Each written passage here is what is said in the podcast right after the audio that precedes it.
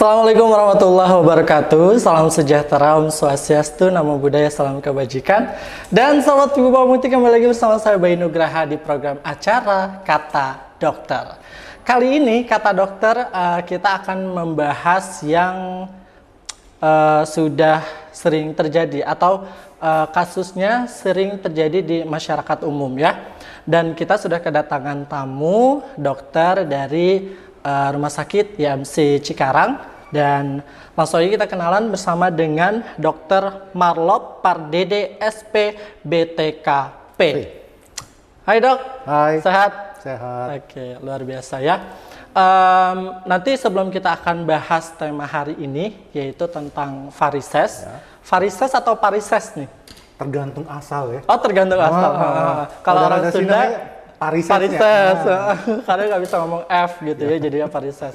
Nah, hmm, sebelum nanti kita akan bahas uh, soal varises pada kesempatan hari ini, kita mau cari tahu dulu nih. Hmm. Kan dokter ini merupakan spesialis bedah toraks, kardiak dan vaskular. Ya. Ini sahabat Wibawa Muti ada beberapa, termasuk saya juga sih sebenarnya. Hmm. Uh, belum paham nih spesialis uh, bedah toraks, kardiak dan vaskular itu apa? Okay. Dokter bisa jelaskan ya? Oke. Okay spesialis bedah toraks, kardiak dan vaskular itu ilmu yang mempelajari uh, rongga dada misalnya itu toraks itu dada dan hmm. segala isinya. Jadi mulai dari dinding dada, uh, trakea, alat bantu nafas, hmm. terus paru-paru, diafragma, terus uh, semua leher yang di, dari leher sampai ke bawah itu kita pelajari. Hmm. Biasanya penyakit yang paling sering itu adalah kecelakaan misalnya. Okay.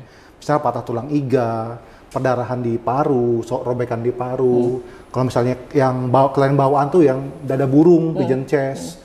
Terus uh, tumor, tumor di, di, di dada. Okay. Terus kalau infeksi misalnya TBC. Hmm. Jadi kita sebagai dokter bedah juga mempunyai ke, uh, peranan dalam penyakit TBC misalnya. Okay Terus yang lain adalah tumor dan kanker dari paru. Itu toraks, baru toraks. Oke, itu bertoraks nah, ya. Kalau kardiak atau jantung itu hmm. hubungannya dengan uh, ilmu jantung yang biasanya kita bukan dari segi uh, diagnostik ya, tapi kita dari segi pembedahannya.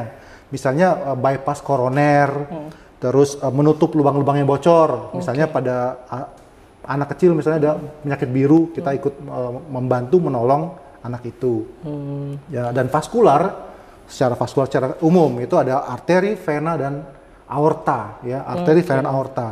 Aorta itu misalnya pembengkakan atau pecahnya aorta misalnya pada aneurisma hmm. atau diseksi. Arteri itu misalnya ada uh, yang membawa darah bersih ke hmm. sistem tubuh kita. Hmm. Sementara kalau vena itu yang membawa darah kotor yang sudah dibawa uh, darahnya sudah dipakai oleh tubuh kita untuk uh, beraktivitas. Hmm. Jadi semua penyakit yang berhubungan dengan vaskular ini kita juga bisa bantu menangani. Oke, okay, berarti yang akan kita bahas uh, kali ini itu kan temanya tentang varises. Varises. Berarti ya. adanya atau masuknya di vaskular ya? Ya, vaskular. Oke, okay, di vaskular. Nah, dok, uh, kita kan sering tahu atau banyak tahu tuh varises tuh biasanya terjadi pada usia uh, dewasa yeah. kan uh, jarang ada varises yang terjadi pada atau mungkin saya nggak tahu gitu ya cuma sepengetahuan saya uh, biasanya varises itu sering terjadi pada orang dewasa ya hmm. nah sebenarnya untuk uh, varises itu uh, di bawah dewasa pun bisa terkena varises atau memang dia khusus orang dewasa aja sih dok? Oke, okay. varises itu definisinya adalah kelainan pembuluh darah vena, hmm. artinya da yang membawa darah balik dari hmm. eh, menuju ke jantung, uh, yang akibatnya terjadi pelebaran karena peninggian tekanan di intravena. Okay. Ya. Jadi faktor utamanya adalah kerusakan pada pembuluh darah vena, hmm. kerusakan katupnya. Hmm. Uh, pembuluh darah vena itu mempunyai ciri yang khas karena dia membawa aliran darah melewati melawan gravitasi. Hmm. Jadi dia ada butuh uh, satu katup untuk mencegah dia jatuh lagi ke bawah okay. ibaratnya jatuh hmm. lagi ya. Sehingga semua hal yang terjadi kerusakan pada vena ini dan uh, manifestasinya berupa pelebaran. Nah, okay. itu yang kita sebut varises. Okay. Anak kecil pun bisa ada varises. Oh, gitu. Biasanya ada penyebab lain, bukan karena seperti orang dewasa ya. Hmm. Biasanya ada uh, tekanan tinggi dalam perut misalnya oh. yang menekan uh, aliran darah balik Biasanya tumor paling sering ya manifestasinya varises. Oh gitu. Begitu. Tapi okay. pada eh, orang dewasa itu biasanya murni karena kerusakan katup eh, akibat gaya hidup sehari-hari misalnya. Oke. Gitu. Nah, dok, eh, sebagaimana kita tahu ya varises tuh sering terjadi di daerah eh, kaki, Ya, di betul. daerah kaki. Memang sebenarnya varises tuh seringnya di situ atau di tempat lain juga bisa? Oke, kalau dilihat varises ada di mana aja, itu di organ yang lain juga ada. Karena balik da- ke definisi yang tadi adalah pelebaran pembuluh darah vena akibat kerusakan katupnya. Oke. Nah, yang yang bisa terjadi di, di, esofagus misalnya, orang yang uh, cirrhosis hepatis atau kerusakan hati itu bisa terjadi uh, varises esofagus yang manifestasinya muntah darah.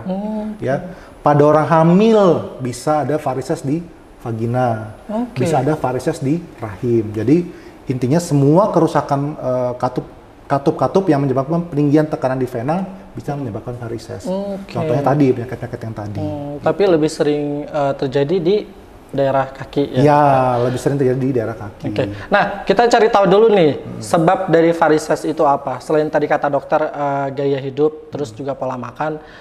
Bener nggak sih dok kalau varises itu gara-gara kebanyakan berdiri? Oh, iya. Nah, Oke. Eh, penyebab utamanya yang tadi karena aliran darah balik ini kan harus lancar kembali ke jantung.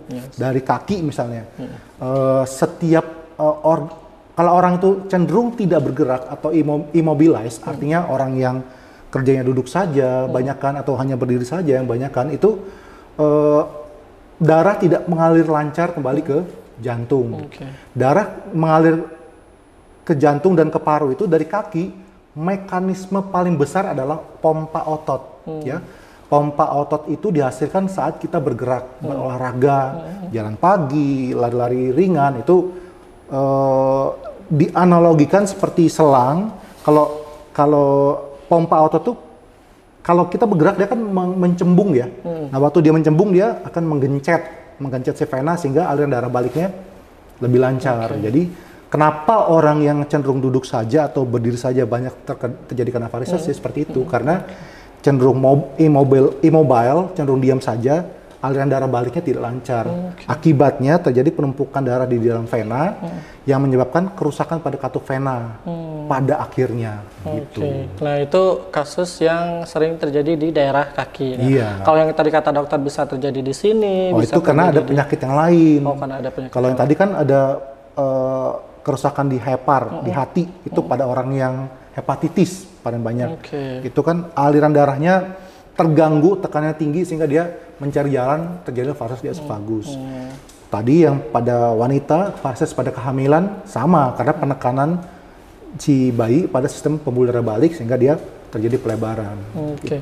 Kalau varises itu sendiri dia ada tingkatannya nggak sih dok? Iya, ada tingkatannya. itu. ada. Oh, dari yang itu ada lima tingkatan dari yang paling ringan eh, satu sampai lima eh, manifestasinya jauh beda. Kalau yang, yang satu itu hanya gambar yang nol itu gambaran biru saja. Oke. Terus kemudian di, kemudian naik lagi di- dilengkapi dengan eh, ada bengkak, terus Hmm. ada pelebaran makin makin naik grade-nya ada pelebaran yang jelas. Hmm. Terus kemudian perubahan warna kulit dan akhirnya yang tahap yang grade 5 itu ada borok atau ulkus yang susah sekali sembuh. Oh, itu udah yang paling parah. Ya, itu grade, Oke. grade dari Nah, grade kalau untuk yang paling ringan itu yang cuma ada garis Ya, eh, garis gambaran biru, di gambaran kaki, biru. ya itu. Nah, kalau untuk eh, cara penanganannya sendiri untuk yang yang yang paling ringan ya, Dok, Oke. yang paling ringan itu Ber- penanganannya berarti balik ke penyebab utama. Oke. Pertama yang tadi yang orang yang immobile ya, karena eh, berarti harus mulai olahraga, ringan.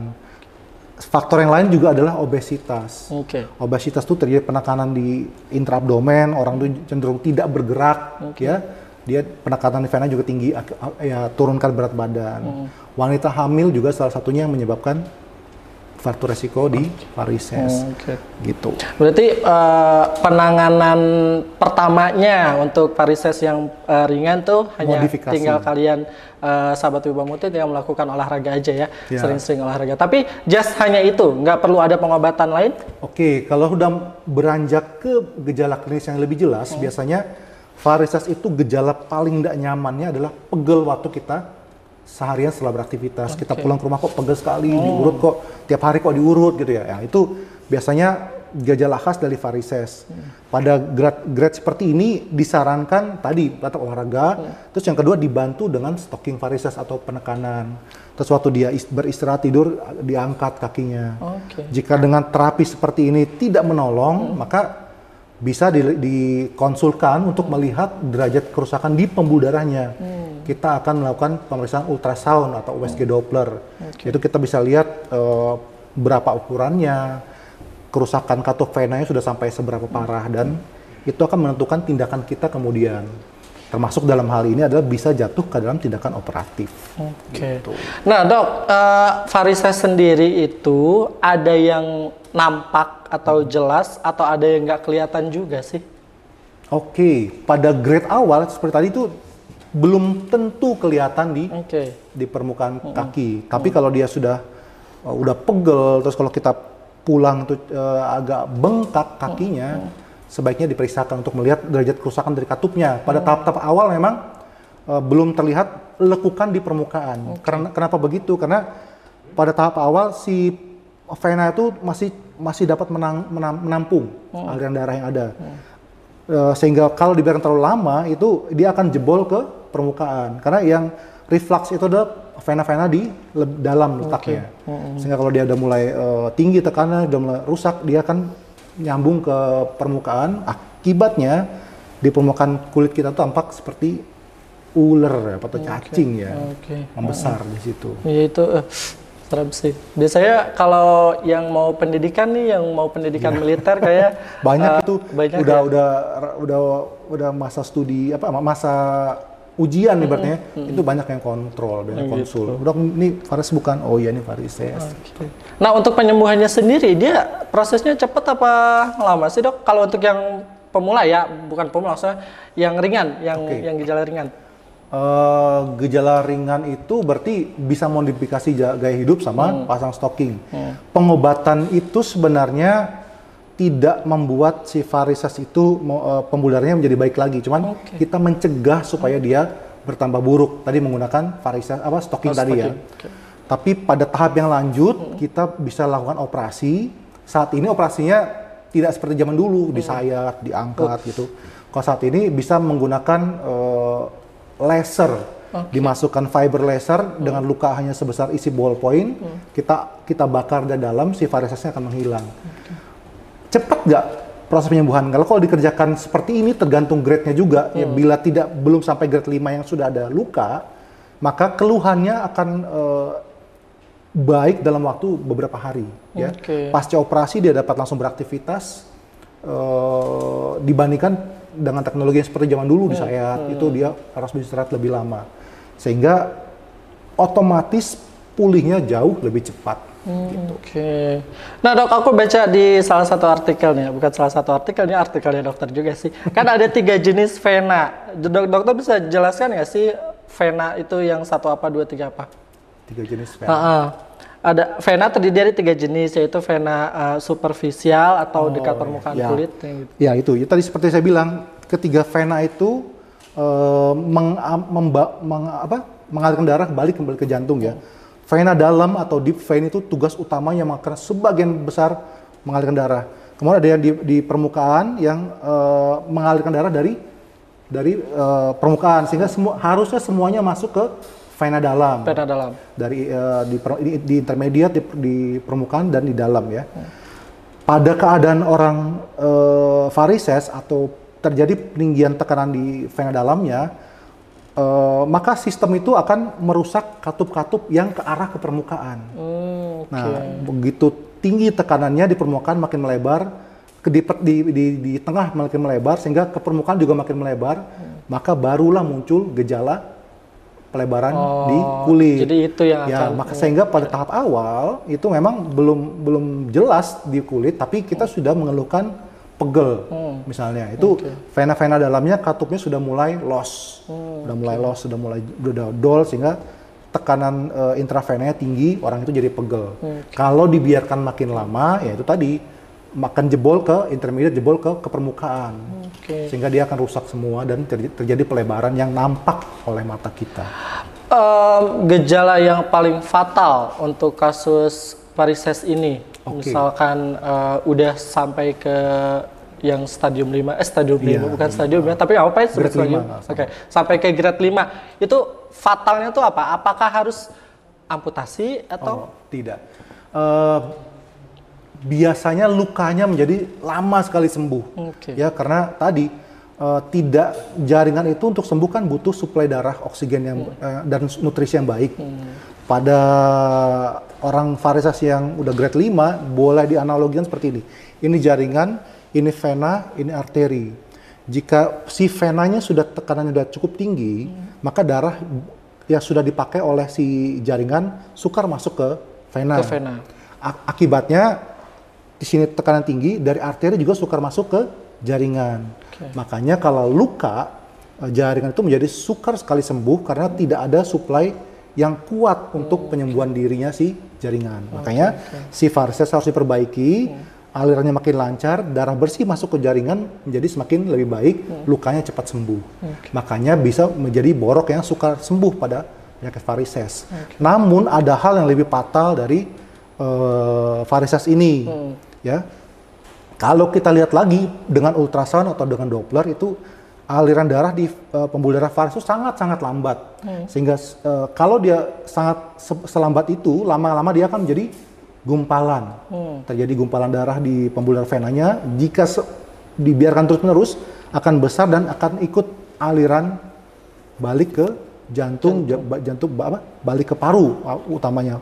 Dia akan masuk ke paru, terjadi penyumbatan di paru. Itu yang kita paling takutkan, ya bisa terjadi emboli ke paru yang menyebabkan sesak sampai dengan meninggal. Oh. Bisa terjadi, Oh, walaupun eh, cukup cukup jarang ya, cukup jarang. Cuman hal itu bisa terjadi. Makanya eh, tidak boleh dianggap sebelah mata varises sebenarnya. Betul. Apalagi sudah mulai dari USG kita, uh, udah ada ada bekuan darah nih, harus cepat diobati. Di eh, kemudian varises harus ditangani. Oke. Varises grade keberapa eh, kita harus menghubungi dokter? Kalau jika intinya semua grade harus dilihat dikontrol Oke. jangan sampai uh, terjadi bekuan darah tadi karena bekuan darah ya itu bukan hanya terjadi di grade 5. Hmm. Karena intinya kan dia ada perlambatan aliran. Jika alirannya makin lambat dia menggumpal dan bisa lepas ke paru-paru. Oke. Pada grade 1 atau 2 pun jika udah udah sangat lambat dia bisa jadi bekuan ya. Oke. Jadi kapan kontrol? Bila saat kita sudah eh, datang, oh, misalnya satu seharian bekerja, kita istirahat pegalnya kok setiap hari gitu, itu sebaiknya dikontrol. Karena untuk pertama untuk mencegah supaya jangan makin parah ya, jangan sampai jatuh ke operasi ya. Nanti ki- akan kita kondisikan, kita kita akan obati, kita akan sarankan untuk pemakaian stocking ya. Terus jika sudah parah, kita harus mencegah sampai jangan jatuh ke grade 5 atau 4 atau 5. Karena grade 4 itu sudah terjadi perubahan warna kulit yang sukar kembali ke- menjadi eh, Normal seperti semula lagi. ya. Oke. Jangan sampai jatuh ke sana jelek hasilnya. Secara kosmetik jelek, secara keilmuan, secara eh, itu bisa membahayakan karena adanya bekuan darah yang lepas. Oke. Gitu. Nah itu dia sahabat Wibawa Mukti ya. Jadi kalau misalkan kita punya eh, sedikit, mungkin kayak ada salah satu gejalanya tuh pegal-pegal gitu ya. Ya, Pe- pegal yang eh, Kok tiap berkepanjangan hari, tiap ya. hari gitu. Pegal-pegalnya tiap hari. Sahabat Wibawa Mukti bisa langsung konsultasikan ke dokter spesialis bedah vaskular ya dok ya. bedah toraks, kardiak, oh, bedah vaskular. toraks, eh, kardiak dan vaskular. Nah, buat sahabat Wibawa Mukti yang penasaran atau bingung nih ya mau konsultasi ke mana, ya ke dokter Marlop ya. ya. dokter Marlop eh, bertugas di RS eh, IMC Cikarang. Kalau nggak salah, mohon saya koreksi ya dok ya. Kalau kalau saya salah. Jadwalnya itu hari Senin, hari Rabu dan hari Jumat. Ya, betul. Nah, buat sahabat Wibawa Mukti yang mau konsultasi eh, terkait varises bisa datang mengunjungi RS, eh, RSMC Cikarang dan kalian bisa ketemu sama dokter Marlop untuk konsultasi varises kalian sudah separah apa. Jangan sampai masuk ke grade 5 ya, Dok ya. Iya, betul. Oke. Dok, eh, varises grade 5 itu udah yang paling parah banget. Ada kemungkinan nggak itu akan menjalar atau menyebabkan penyakit-penyakit yang lain? Yang seperti tadi, takutnya yang bekuan darah itu. Mm. Jika dibiarkan makin lama, bekuan darah makin banyak, terlepas ikut aliran darah kembali ke paru dan menyumbat aliran darah paru, Oke. bikin dia sesek sekali sampai dengan bisa. Itu udah yang paling fatal paling banget fatal. kayak udah paling fatal. Nah, sekarang kita beralih ke pencegahannya. Iya, Nah, Gimana caranya biar eh, kita nih sahabat Wibawa Mukti dan juga yang lagi nonton Wibawa Mukti TV ini terhindar dari minimal eh, grade 1 deh. Bukan minimal grade 1. Eh, yang pasti adalah modifikasi gaya hidup ya. Yang tadi orang eh, harus mulai olahraga eh, intensitas ringan sampai sedang ya. Terus turunkan eh, berat badan.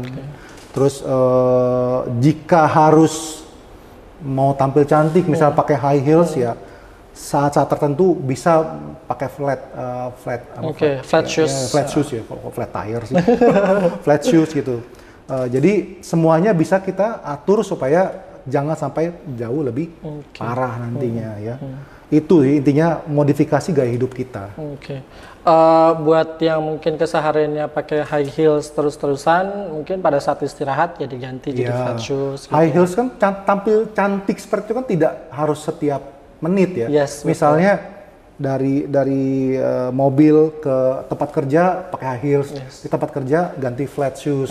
Kan bisa i- isti itu. Nanti kalau udah mau meeting, mau makan siang pakai lagi high heels misalnya. Jadi agak se- jadi sedia dua minimal ya, Iya, dua, sepatu kali. ya. Gak apa-apa ribet yang penting sehat ya dok ya. Iya. Eh, daripada kena varises grade 5 kan serem warnanya jadi biru. Jadi Iya. nggak bagus lagi kaki kita.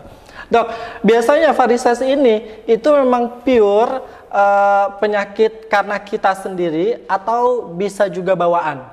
Eh, tergantung sebab tadi. Oke. Ya, kalau misalnya bawaan, bukan bawaan sih, misalnya pada usia yang lebih muda kan Hmm. seperti tadi tumor, varises. Tapi biasanya yang kita temui yang kita sering eh, dapatkan di konsultan itu adalah Hmm. peru- karena degeneratif, artinya karena eh, sudah aus ya. Oke. Degeneratif itu artinya kerusakan pada jaringan karena peningkatan usia. Ya, karena tadi eh, semakin kita immobile, semakin kita gemuk dan faktor utama yang lain adalah faktor resiko yang lain adalah wanita juga salah satu faktor resiko varises itu bisa terjadi eh, mempercepat terjadi varises gitu. Jadi tidak tidak ada istilah bawaan sih sebenarnya Oke, pada varises. berarti nggak ada istilah bawaan ya. Iya. Berarti pure itu eh, gejala eh bukan gejala kasus yang memang kita rasakan sendiri karena kesalahan kita ya. Ya, karena tidak- degeneratif kita bilang. Yes, betul. Nah, dok, eh, ini tuh kan ini masih ada hubungannya nih ya sama bagian kaki. Asam urat tuh salah satu bagian dari gejala varises bukan sih? Oh. Atau beda lagi? Beda. Beda ya? Eh, seperti saya utarakan di awal, varises itu tidak ada gejala nyeri, tidak ada gejala sakit, kecuali sudah grade 5 dan terjadi infeksi, sih itu kadang eh, kulit kita terasa nyeri ya. Eh, sehingga eh, gejala paling utama adalah pegel dan bengkak. Oke. Ya, sehingga kalau apakah sama dengan asam urat? Ternyata bukan. Beda. Oh, beda. Kalau asam urat itu adalah penumpukan kristal asam urat di sendi yang menyebabkan peradangan dan nyeri. Oke. Sehingga itu udah beda beda tempat tuh, beda oke. beda beda tempat, beda organ yang sakit ya. Yang asam urat itu nyerinya di sendi, Hmm. kalau varises itu di pembuluh darah balik vena. Oke. Jadi beda ya sahabat Bang Muti asam urat dengan varises itu dua hal kasus yang berbeda. Iya. Dok, kalau untuk penanganannya sendiri di RS IMC Cikarang itu seperti apa? Untuk tadi kan kita udah bahas yang grade 1 nih, Hmm. Ya. itu yang ringan-ringan. Grade 3 ke bawah lah gitu. Kalau untuk penanganannya sendiri di RS IMC Cikarang seperti apa? Oke, kalau yang pertama pasti setiap ada pasien varises, saya akan eh, melakukan pemeriksaan ultrasound di USG. Ultrasound USG, USG pembuluh darah atau kita bilang USG Doppler. Saya akan evaluasi eh, strukturnya bagaimana, katupnya bagaimana, apakah ada bekuan darah dan kerusakannya sudah sejauh apa. Pembuluh darah yang terlibat sudah berapa pa- berapa cabang. Kita akan saya periksa secara detail. Jika masih grade yang ringan, eh, saya pasti akan eh, edukasi untuk modifikasi gaya hidup dan eh, menurunkan berat badan yang paling sering dan pakai stocking varises. Pada grade yang sudah lanjut dengan diameter tertentu, aliran darah tertentu, dari, dari USG kita bisa lihat, itu akan kita sarankan untuk operasi. Oke. Ya, yang tidak mungkin lagi diatasi dengan hanya pemberian obat-obatan dan modifikasi gaya hidup serta pemakaian stocking, gitu. Operasinya sendiri, seperti saya bilang tadi, udah tidak ada sayatan, ya, kecuali untuk mengambil pembuluh darah yang di permukaan kulit yang banyak. Ji- eh, jika ada cukup banyak, kita akan lakukan sayat kecil ya untuk me- menarik, eh, mem- me- mengekstraksi, membuang pembuluh darah yang rusak itu. Eh, biasanya saya akan mengerjakan dengan metode laser atau dengan metode glue atau kombinasi dari kedua teknik Kedua. ini. Nyaris tidak ada sayatan intinya sih itu sehingga Udah pasien menjadi lebih nyaman, lebih lebih cepat beraktivitas Betul. dan dapat kembali berproduktivitas menjadi lebih cepat. Recovery-nya lebih cepat. ya. Yes. Sekarang udah canggih ya dok Udah ya. canggih, Iya, ya. IMC Cikarang lah, nggak mungkin lah. Udah, pokoknya udah keren lah sekarang mah. Nah dok, kalau uh, kita ngomongin soal tadi kan kata dokter beberapa kali disebutkan ada beberapa uh, kemungkinan orang terkena varises itu salah satunya adalah uh, apa namanya berat badan yang berlebih. Nah, untuk laki-laki atau untuk perempuan sendiri eh, minimalnya tuh berat badan lebihnya tuh berapa nanti dia bisa kena varises? Atau setiap orang beda-beda? Berbeda, eh, tidak serta merta orang yang indeks massa tubuhnya udah lewat itu akan dari varises. Oke. Ya kalau dia eh, eh, obes misalnya, di- ditambah lagi dengan malas bergerak, Oke. ya, terus eh, misalnya wanita itu udah komplit tuh faktor risikonya, sehingga terjadi eh, apa kemungkinan di varises menjadi lebih tinggi. Tapi kalau dia misalnya agak ada kelebihan berat, cuman masih beraktivitas dengan baik, olahraga yang teratur, ya pasti pembuluh darahnya akan jadi agak, agak lebih bagus dari ketimbang yang tidak bergerak sama sekali. Jadi tidak ada patokan yang jel, yang pasti berat badan sekian, varises sekian, nggak ada. Oke.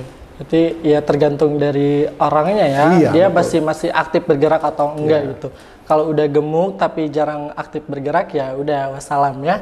tapi udah-udah sih sehat-sehat semua yang ada, yang ada di sini ya. Tuh, itu termasuk buat saya juga ya, karena saya juga sedikit obesitas dok, sepertinya ya. nah dok, em, eh, kalau tadi dari eh, segi, ka- kalau tadi dari salah satu faktornya adalah obesitas. Kalau dari segi makanan, ada nggak sih yang memang harus kita hindarin gitu, biar kita nggak terjadi atau nggak mengalami varises?